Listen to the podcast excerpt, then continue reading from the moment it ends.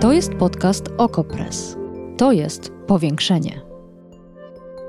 Patrzymy władzy na ręce, każdej władzy. Obserwujemy politykę i życie społeczne. Ustalamy fakty, komentujemy wydarzenia i przede wszystkim rozmawiamy z Wami i z naszymi gośćmi. Zapraszam, Agata Kowalska.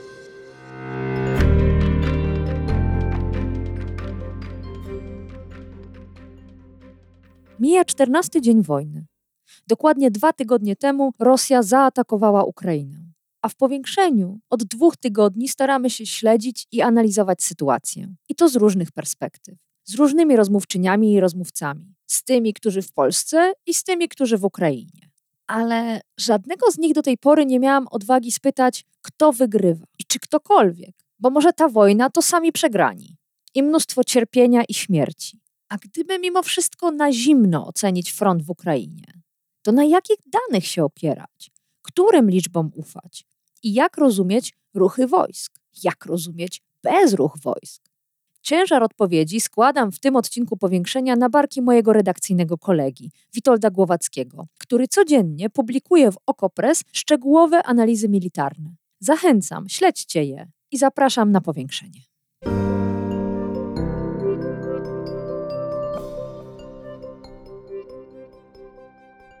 A gościem podcastu Powiększenie jest Witold Głowacki, dziennikarz Okopres. Dzień dobry. Dzień dobry Państwu. Spróbujmy przyjrzeć się temu, co się dzieje w Ukrainie z perspektywy tych 14 dni, 14 dni wojny.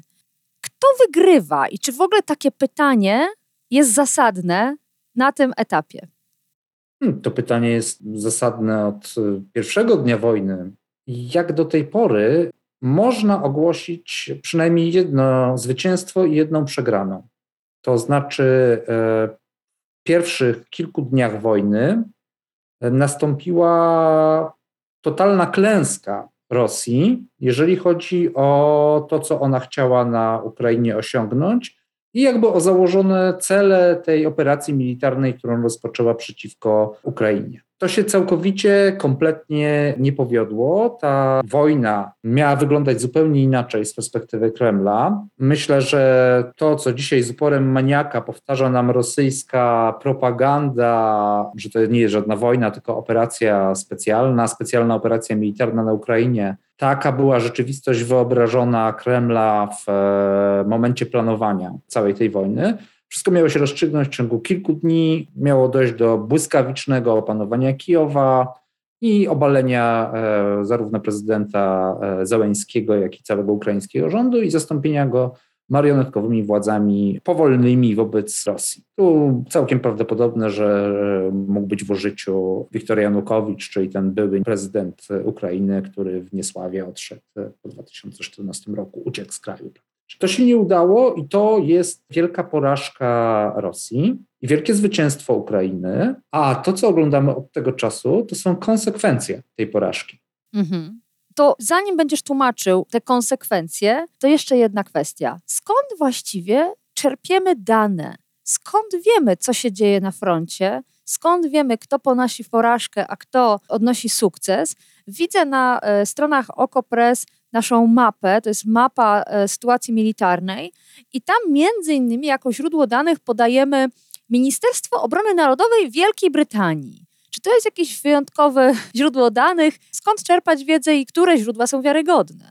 Och, to jest y, bardzo długa opowieść. Po pierwsze, i to są źródła, owszem, to są źródła, tylko że takie źródła, które należy bardzo krytycznie e, traktować, mamy do czynienia z mm, oficjalną komunikacją zarówno strony ukraińskiej, jak i strony rosyjskiej.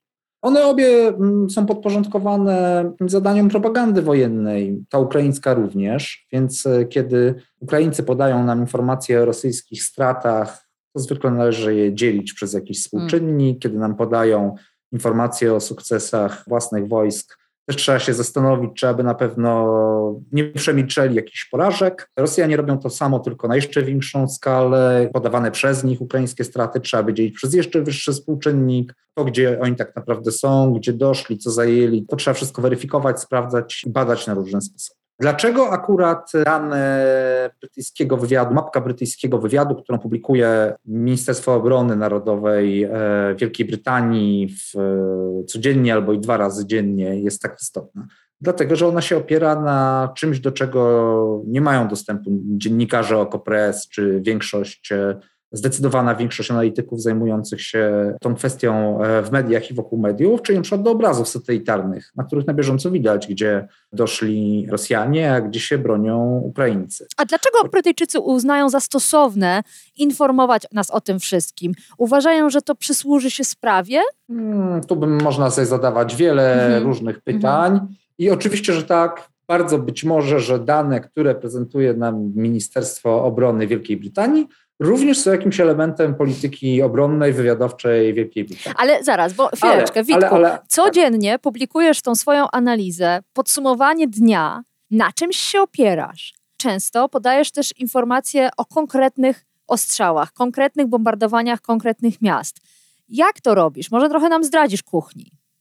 Tak, oczywiście. To był dopiero początek opowieści. Nie ma co kryć, że ogromnie ważnym e, narzędziem, czy raczej pakietem narzędzi są bardzo szeroko rozumiane media społecznościowe. I w owych mediach społecznościowych mamy zarówno relacje, bardzo często filmowe, fotograficzne, tekstowe, bezpośrednich świadków e, zdarzeń lub e, nawet ofiar ostrzału, które mm -hmm. po prostu mhm. informują o tym, że gdzieś do niego doszło. Mamy dostęp do nadających na bieżąco ukraińskich, uczciwych i wiarygodnych dziennikarzy, którzy również informują nas, co się dzieje w e, poszczególnych miastach. Mamy dostęp do ukraińskich mediów, z których możemy się dowiedzieć, gdzie w danym momencie był alarm bombowy i z, z, z, których e, możemy się dowiedzieć również, jakie były jego skutki, bo je bardzo zwykle podają na przykład e, lokalne władze tych ostrzeliwanych miast i miasteczek. I to są w 99% informacje prawdziwe, udokumentowane, poparte materiałem fotograficznym czy wideo.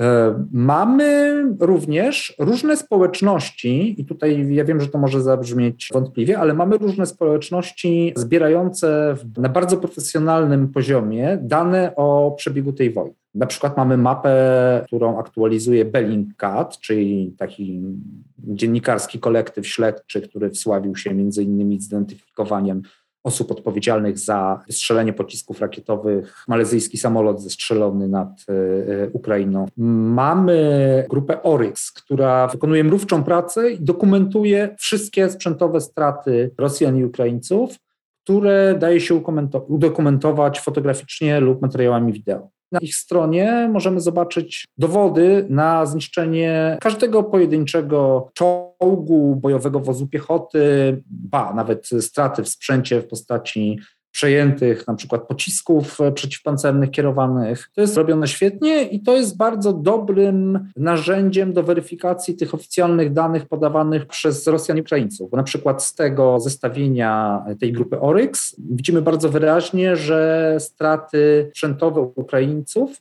są znacznie niższe od strat Rosjan. To trzech razy niższe w czym nie ma nic e, takiego znowu dziwnego, bo to Ukraińcy są to stroną broniącą się. Mhm. A w taką generalną zasadą, regułą e, wojen, w których nie mamy do czynienia z druzgocącą przewagą jednej ze stron, jest jednak to, że atakujący traci więcej od e, broniącego się. Czy istnieje w tej wojnie jakiś front? I jeśli tak, to którędy on przebiega? A może kilka frontów?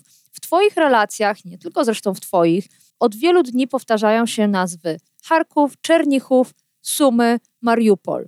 Co to są za miasta? Dlaczego one są takie ważne? Front, rozumiany w takim znaczeniu, jaki nam się kojarzy na przykład z II wojną światową, albo nawet z I wojną światową, tak naprawdę występuje tylko lokalnie głównie w Donbasie, gdzie od 2014 roku tak naprawdę trwała wojna. I tam w początkowym okresie wojny ukraińskie pozycje wyglądały jak podczas pierwszej wojny światowej, a nie podczas drugiej. To znaczy są tam bardzo głębokie okopy, ziemianki, bunkry, rozmaite ukrycia, które rozwijali sobie ukraińscy obrońcy Donbasu przez osiem ostatnich lat. I tam toczyły się takie walki stricte frontowe.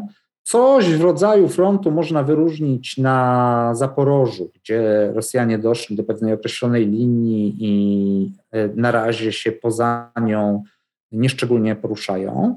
Jakąś taką metodą porządkowania tej wiedzy na temat tego, co się dzieje na wojnie w Ukrainie, jest zwykle, i to stosujemy nie tylko my w OKO.press, tylko stosuje to większość e, analityków, dzielenie tego całego konfliktu na kilka obszarów.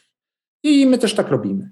Osobno można trochę traktować sytuację pod Kijowem. Można mówić o takim, nie wiem, północnym terenie walk. Osobno można mówić o tym, co się dzieje na północnym wschodzie Ukrainy, czyli wokół miast, poczynając jakby od północy Sumy, mm, Charków oczywiście i Izium.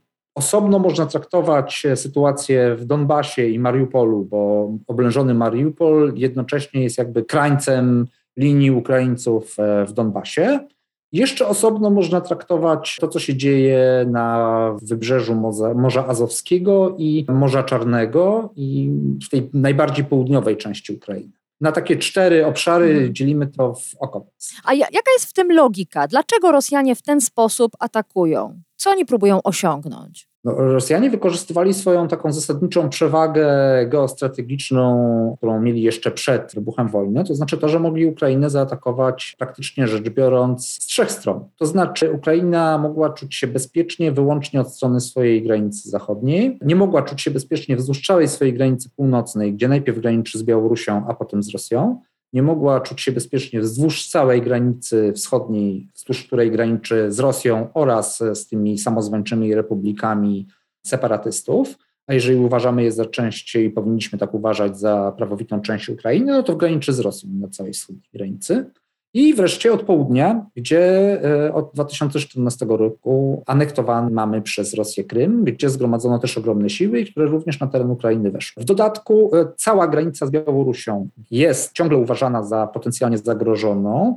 Rosjanie w kierunku Kijowa od strony północnej i północno-zachodniej wkraczali z terytorium Białorusi. Z terytorium Białorusi wciąż są odpalane pociski balistyczne. Z tamtejszych baz lotniczych startują samoloty, które bombardują czy to ukraińskie pozycje, czy takie miasta jak Żytomierz czy Czernichów, czy też próbują bombardować Kijów, co też dość często kończy się ze strzeleniem tych samolotów, bo akurat obrona przeciwlotnicza Kijowa jest wyjątkowo mocna. Jeszcze na koniec trzeba wspomnieć o, o fragmencie granicy takiej południowo-zachodniej granicy Ukrainy, czyli o Naddniestrzu, czyli kolejnym separatystycznym regionie, który jest bardzo prorosyjski, na którego terenie znajdują się rosyjskie wojska, które do tej pory nie przedsiębrały żadnej aktywności w tej operacji takiej bezpośredniej. Ale to też jest jakby kierunek zagrożony. To jeszcze kilka słów o obronie, o Ukraińcach. Jak oni sobie radzą i na czym polega z kolei ich taktyka? Jak to jest możliwe, że Kijów wciąż się broni? Czy my tutaj możemy dużo powiedzieć? Tak, my możemy o tym powiedzieć całkiem sporo, dlatego że musimy zacząć troszeczkę od scharakteryzowania tego wyjściowego planu Rosji. Bo wyjściowy plan Rosji polegał na opanowaniu Ukrainy stosunkowo skromnymi siłami.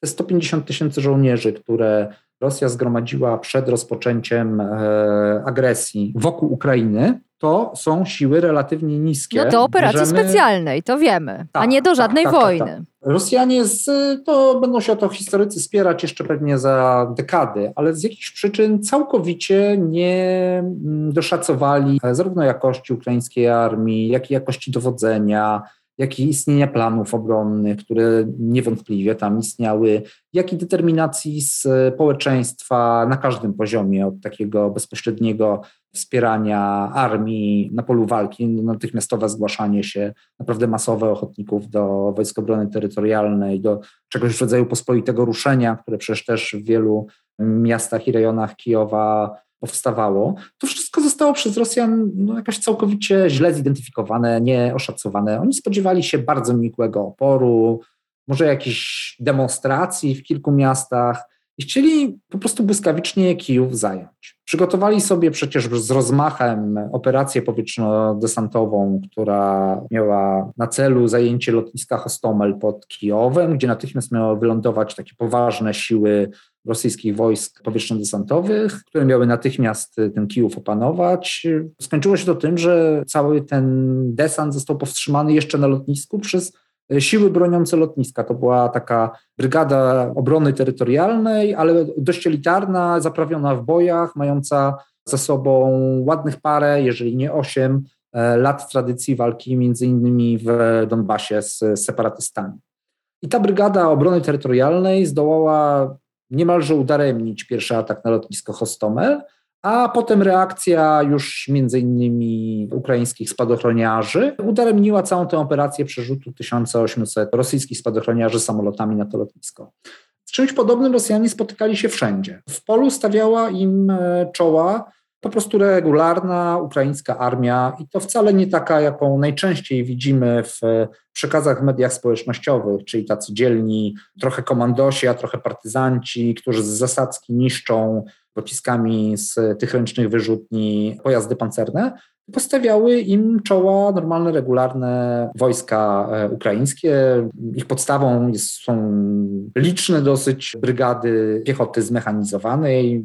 To jest armia, która w e, dużej mierze fizycznie przypomina tą rosyjską, natomiast jest e, o wiele lepiej, o całe poziomy lepiej dowodzona ma lepszą łączność, lepszą koordynację i prawdopodobnie też wyższą manewrowość. I wyższe morale. do walki. No otóż Właśnie, to. już nie mówiąc to. o motywacji mhm. do walki. Z tym, że to nie morale walczy, jednak walczą e, przede wszystkim czołgi, walczą te pociski przeciwpancerne i przeciwlotnicze, e, walczy lotnictwo. Przypomnijmy, że Ukraina do dzisiaj zachowuje jakąś część e, lotnictwa, która jest sprawna i potrafi przeciwdziałać akcjom lotniczym podejmowanym przez Rosjan. Nie dalej niż wczoraj nad Kijowem odbyła się bitwa powietrzna, w wyniku której ukraiński samolot zestrzelił e, rosyjski samolot, a drugi rosyjski samolot został zestrzelony przez obronę przeciwlotniczą z ziemi. Czy ta wojna, 14 dzień, przypominam, zmieniła się? Mówiłeś, Rosjanie liczyli na to, że w ciągu dnia, dwóch przejmą pełną kontrolę. To się nie udało. Czy oni zmienili swoją taktykę i w jaki sposób? W pierwszych kilku dniach po tym kolapsie pierwotnego planu operacji było bardzo wyraźnie widać, że Rosjanie nie bardzo wiedzą, co robić. Wykonywali wtedy różne chaotyczne posunięcia. Część analityków, uważała to za takie planowe, powolne zdobywanie terenu na wyznaczonych wcześniej kierunkach operacji, ale to nie do końca było w ten sposób. To było raczej takie inercyjne mm, działanie tam, gdzie się dało działać, bo na przykład tam, gdzie nie było specjalnie ukraińskiej hmm. obrony. Hmm. Przykładem to było południe, Półwysep Ale no właśnie, chciałam cię o to zapytać, bo w swojej relacji piszesz między innymi front stoi. Rosyjskie siły przesunęły się o kilometr. Żadnego ruchu nie zaobserwowano. Co się dzieje? O co tu chodzi w tym tkwieniu w miejscu? Chodzi też o to, że od samego początku, od pierwszych dni prowadzenia tej wojny, Rosjanie zaczęli doświadczać gigantycznych problemów logistycznych związanych z tym, że byli przygotowani do prowadzenia krótkotrwałej, szybkiej operacji, która miała się zakończyć naprawdę po kilku dniach. Nie spodziewali się tego, że będą przez następne tygodnie musieli zapewnić swoim pojazdom stałe dostawy paliwa w ogromnych ilościach. Łącznie kilka tysięcy pojazdów pancernych i opancerzonych, które na e, tej wojnie znalazły, potrzebuje niewyobrażalnych ilości paliwa, a Rosjanie nie za bardzo zapewnili w ogóle środki do tego, żeby to paliwo dostarczać na takich wyciągniętych, długich liniach komunikacyjnych. Po drugie, te długie linie komunikacyjne są cały czas zakłócane, przerywane i na różne sposoby blokowane i napadane przez ukraińską armię, czy to jednostki regularne, czy to te oddziały obrony terytorialnej nieregularne.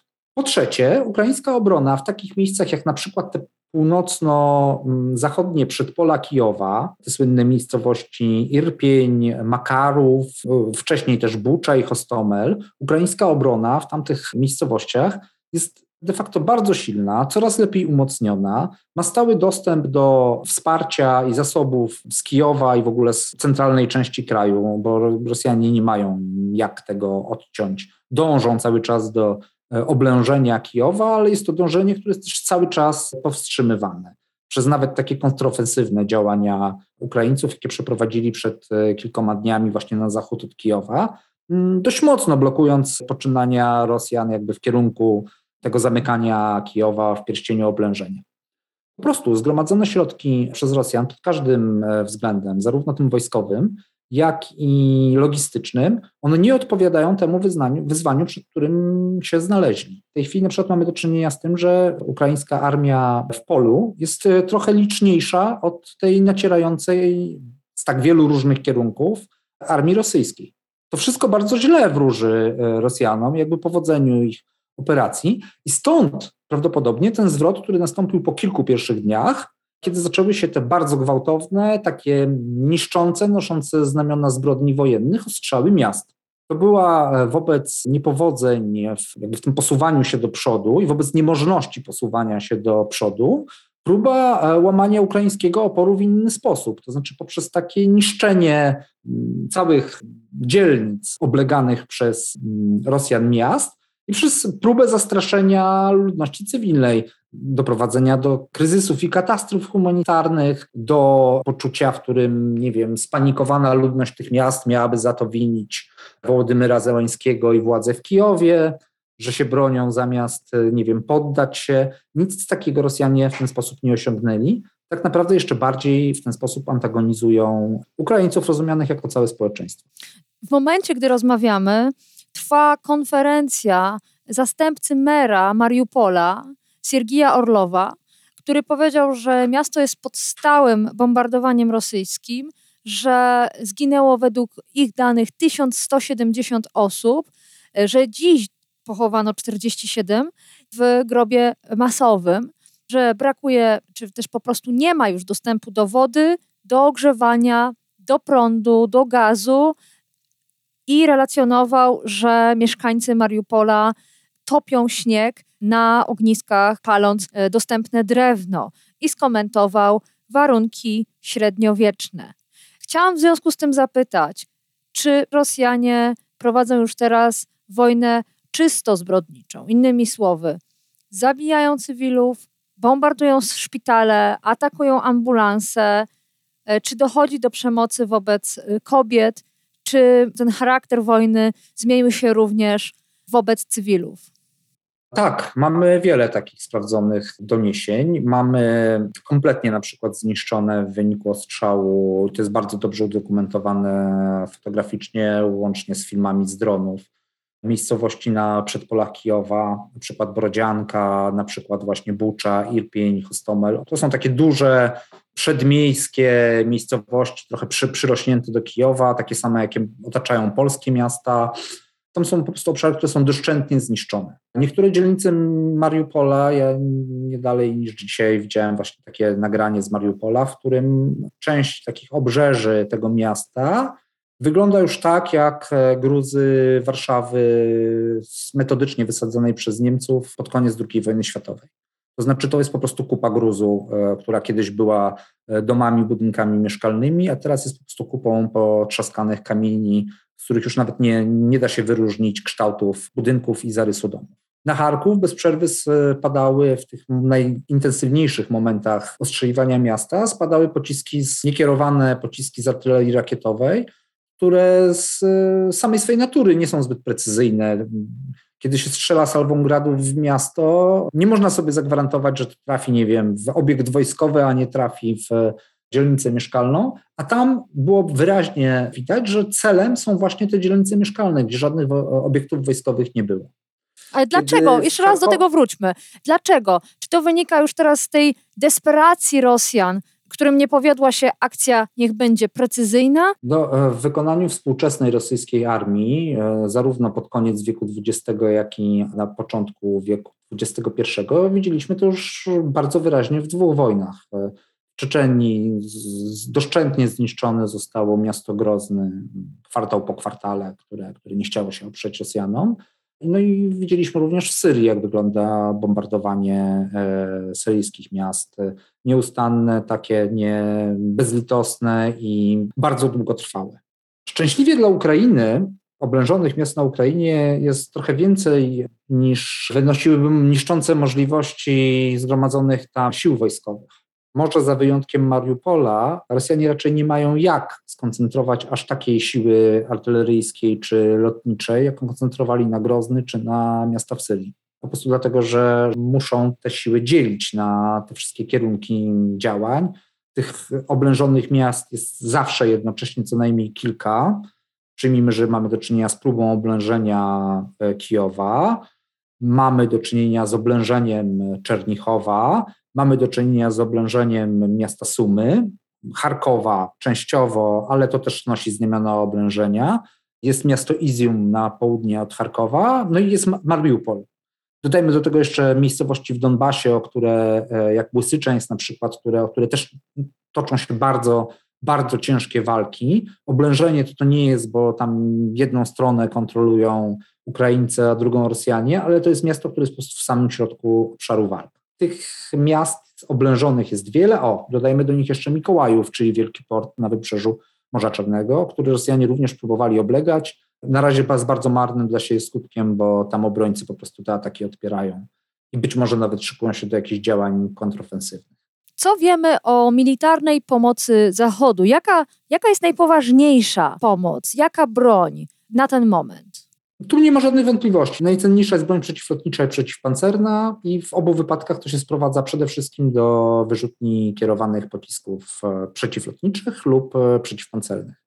I to jest pomoc na bardzo dużą skalę. To znaczy, Ukraina została bardzo mocno dozbrojona w oba te typy uzbrojenia e, o bardzo istotnym charakterze, dlatego że obecne nasycenie ukraińskich wojsk tymi ręcznymi środkami obrony przeciwlotniczej, czyli na przykład Stingerami, na przykład polskimi piorunami i kilkoma innymi typami e, rakiet przeciwlotniczych, jest ogromnie wysokie i bardzo e, utrudnia Rosjanom działanie z powietrza. Myślę, że w kilku najbliższych dniach może wręcz je na niektórych kierunkach i obszarach uniemożliwić. To znaczy ryzyko wysyłania samolotów lub śmigłowców nad e, terytorium Ukrainy w tych miejscach będzie za wysokie. Zbyt dużo tych statków powietrznych zostanie zestrzelonych i Rosja uzna, że nie może tego chwilowo robić. E, tak jak kiedyś Związek Radziecki jeszcze podjął decyzję o jakby zawieszeniu wszelkich lotów bojowych nad Afganistanem, bo tam też dzięki zachodnim dostawom mujahedini mieli sporą ilość ówczesnej generacji Stingerów i praktycznie unieruchomili rosyjskie lotnictwo. To jeszcze na, na koniec jedno pytanie, już przenosimy się na polskie podwórko i doniesienie z dzisiaj, że Stany Zjednoczone wyślą do Polski dwie baterie rakiet Patriot w ramach rozmieszczenia obronnego. Co to za typ rakiet? W czym one mogą pomóc? Rakiety Patriot to są e, rakiety, które mogą e, służyć zarówno do zwalczania ewentualnego ataku lotniczego, jak i przede wszystkim są to antyrakiety, to znaczy są to pociski zdolne zestrzelić inne pociski mhm. Mm, rakietowe. Oczywiście takie, z których celem na przykład mogłoby być e, polskie miasto albo baza wojskowa na terenie Polski, albo jakiś inny istotny strategicznie obiekt.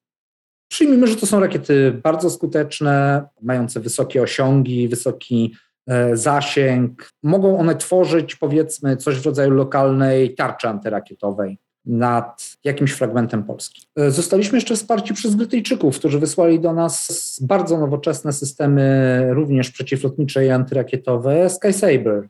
One zostały rozmieszczone jakby w przededniu tego konfliktu wzdłuż polskiej granicy z Ukrainą i prawdopodobnie Białorusią. Też są bardzo skuteczne. Czy Twoim zdaniem to jest moment, w którym powinniśmy zacząć dużo większą wagę przywiązywać do potencjału obronnego Polski? Pojawiają się już pierwsze takie analizy, czy nawet publicystyka y, związana z gotowością naszej armii, z skutecznością naszego dowództwa, z zarządzaniem. Czy Twoim zdaniem rozmowa o tym w sferze publicznej jest odpowiedzialna w tym momencie, czy raczej nie powinniśmy straszyć? Tak, możemy o tym jak najbardziej rozmawiać. Ja nie widzę tutaj żadnych przeciwwskazań. Przede wszystkim w pierwszych trzech dniach wojny w Ukrainie zobaczyliśmy coś bardzo ważnego dla naszego bezpieczeństwa. Zobaczyliśmy, że niezwyciężona i wszechpotężna i gigantyczna armia rosyjska jest w gruncie rzeczy dysfunkcyjna i nawet przy użyciu creme de la creme całej rosyjskiej armii, bo to zostało użyte w Ukrainie, nie bardzo jest w stanie prowadzić efektywne działania w wojnie konwencjonalnej przeciwko pojedynczemu państwu. Więc w gruncie rzeczy mam poczucie, że w kategoriach takiej wojny konwencjonalnej, abstrahując w ogóle od kwestii równowagi nuklearnej. Jeżeli chodzi o samą wojnę konwencjonalną, to my jesteśmy bezpieczniejsi niż myśleliśmy. My jako Polska i jako NATO. Myślę, że mało który analityk w tej chwili, po tej totalnej kompromitacji rosyjskiej armii, zakładałby, że ona byłaby zdolna do jakiegoś takiego pełnoskalowego ataku na kraje NATO. I tym zdaniem, które mam nadzieję pozwoli nam trochę spokojniej spać, kończymy rozmowę. Witold Głowacki, dziennikarz Okopres, jego codzienne podsumowania sytuacji militarnej w Ukrainie znajdziecie Państwo oczywiście w Okopres. Dziękuję Ci, Witku.